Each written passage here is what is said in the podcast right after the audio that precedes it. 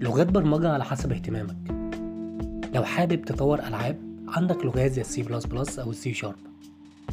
أما لو حابب تطور مواقع عندك ال HTML CSS JavaScript ممكن بعدها تتعلم framework زي ال Angular أو ال React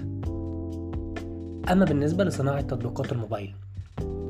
بالنسبة لل Android native فبتتعلم Kotlin أما بالنسبة لل iOS native فبتتعلم Swift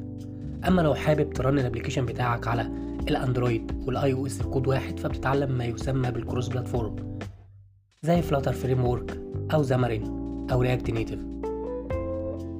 أما بقى لو حابب تدخل في مجال الذكاء الاصطناعي فبتتعلم Python